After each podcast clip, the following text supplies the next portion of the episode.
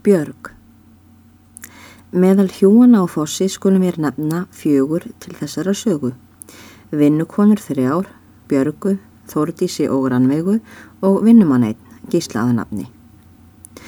Björg Eiríksdóttir var roskin yngismær, sagði sig 35 ára gamla. Þvert ofan í tvær kirkjubækur er sögðu hann að komna yfir færtugt. Björg var meðal hvernmaður á vöxt með rauðbyrkið hár, þund og hrokkið er tók henni niður á háls.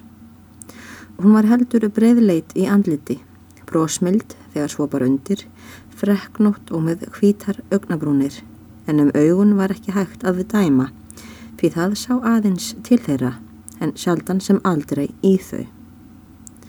Björg hafi aldrei gifst á æfisinni, en tvívegis hafði hún ráðist bústýra til ókvantra bænda fram á sveitinni og var halvan mánuð ráðskona hjá öðrum en mikinn part af áreinu hjá hinnum og hvarði það ekki annan ávöxt en einn lítinn krakka sem hún kemdi þeim bondanum er hún var lengur hjá.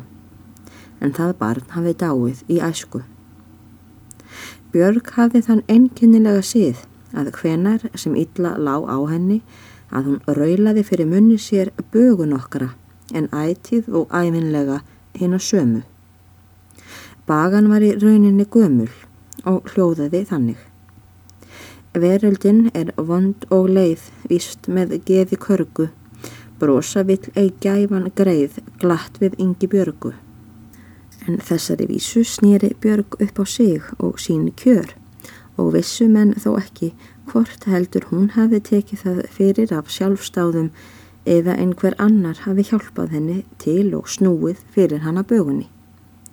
Vist værum það að Björg hvað hana ætið á þessa leið. Veröldin er vond og leið, vist með gefi körgu. Brosa vill eigja ívan greið að garminum henni Björgu. Gísli var ungur maður mellir tvítjóks og þrítjóks, mest í galgópi og óra belgur og hafði hann einat gaman að því að spreka Björgu til með giftingarleysið og láta hann að skilja að henni myndi nú ráðlegast að taka sér fljótt og húslega þar sem hann væri svo ásthongin af henni en það myndi hún ekki þurfa að vænta sér öllu liðlegra manns úr því sem komið væri. En Björg tók þessu óvennulega fjari og let gísla skilja full ljóslega að það væri ólíku betra að giftast aldrei en að rata í þá ógæfu að eiga annan eins mann og gísla. Þó grunaði suma að henni væri ekki svo leitt sem hún let. Það er nú rúmur mánuður liðin frá því er þeir atbyrðir görðust er skráðir eru í fyrirfarandi kapla sögunar og er fósfólkið á enginu niður við ána við heiskap, piltarnir að slá en stúlkurnar þrjár að þurka hei. En fyrir því að Guðmundi bónda þótti heldur fáliðað við heiðurkin með því að þerririnn glættist um daginn en allmikið hei flatt á enginu þá sendi hann gísla til liðs við vinnukonur sínar og ætlast til að þessi fjögur skuli annast heiðurkin. Gísli fer til stúlknanna og er það Björg einn sér í flekk en þær Rannveig og Þórdís saman í öðrum flekk rétt hjá og eru allar að snúa heginu. Gísli tekur stefnuna til bjargar og spansnu út af samfundum þeirra heið ástryka og uppbyggilega samtal er hér fylgir sínishorn af í áhern þeirra rannvegar og þortísar. Æ sælvertun og blessuði dúvan mín. Ég var sendur hingað til að vera þín önnur hönd, fyrst við heiðhörkin og svo vona ég það verði líka á lífsliðinni mælti gísli með hátíðlegum sveip og framburði og tók reyfgarðin á eftir björgu. Ég var sæl áður en ég sá þig, þú þurftir ekki að koma.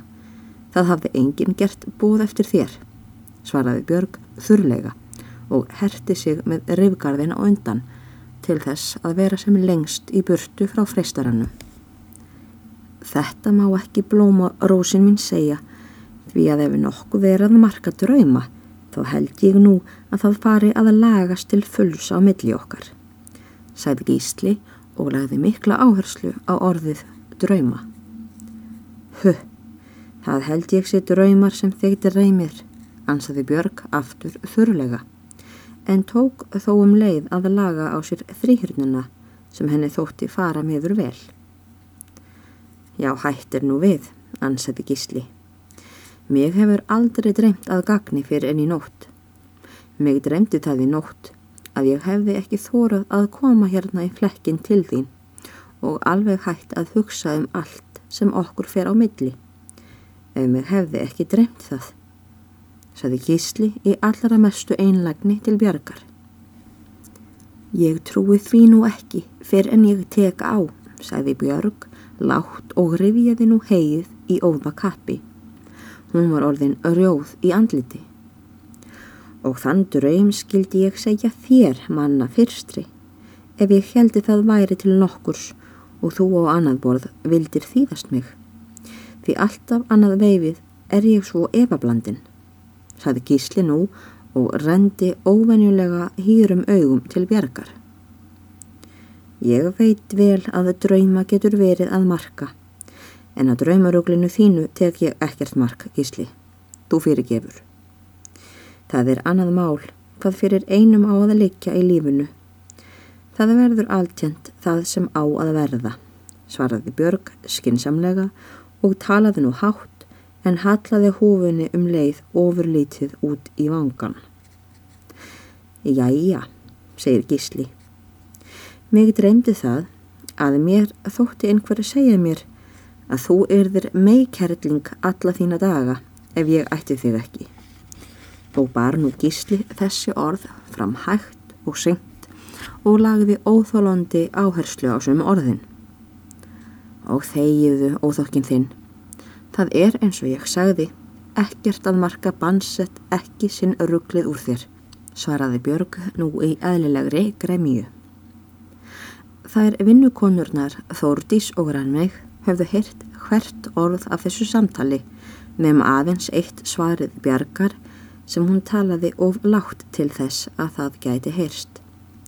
Þær hlóu í skríkjum við og við og sættu lægi að vera sem allara næst hjónanleisunum til þess að missa sem minnst af hennu fróðlega samtali. Þau gísli gengun og flekk úr flekk til að rifja og gekk Björg ávalt á undan og skálmaði drúgum. Rett eins og sagleysið sem er að flýja frisnina.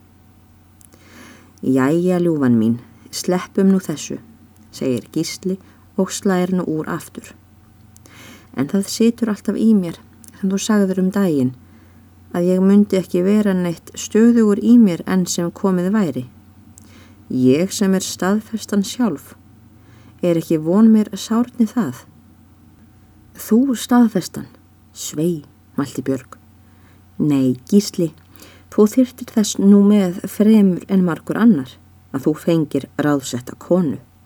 Þú ert ekki annað en fjörið og galgópaskapurinn og hefur gott af að þér væri sagt fyrir siðunum, segir Björg með mikill alvörugefni. Þetta er nú satt, ansaði Gísli. Þetta er hverju orði sannara og ég finn út þetta dá vel þó mér verði ekki alltjent að vegi að ég áta það. En hvert á ég þá að snúa hugmínum eftir slíkri konu? Ég þekki enga líklegri með stillinguna heldur en þig, heilin mín. Ef ég mætti segja svo og þess vegna. Hér hóstaði gísli og ræksti sig eins og hann gat best.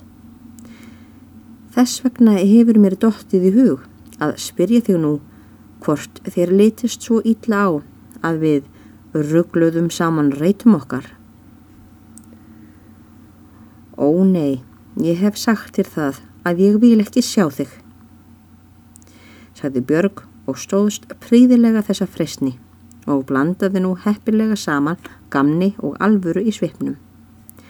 Æ, æ, þar fekk ég stingi hjartað, sæði gísli og stundi við. Björg mín, því ferður svona miskunar á laust með auðmíkjan gísla tetrið. Það er rétt handa þér ófétið þitt svaraði Björg. Heldurðu að nokkur stúlka vilji eiga annan eins durg og þú ert? En þó nú aldrei nefnum svo sé að þú viljir kvorki sjá mig niður heyra, segir Gísli. Þá er ekki þar með sagt að þú bannir mér að koma svo litið við blessaðan megarhálsin á þér.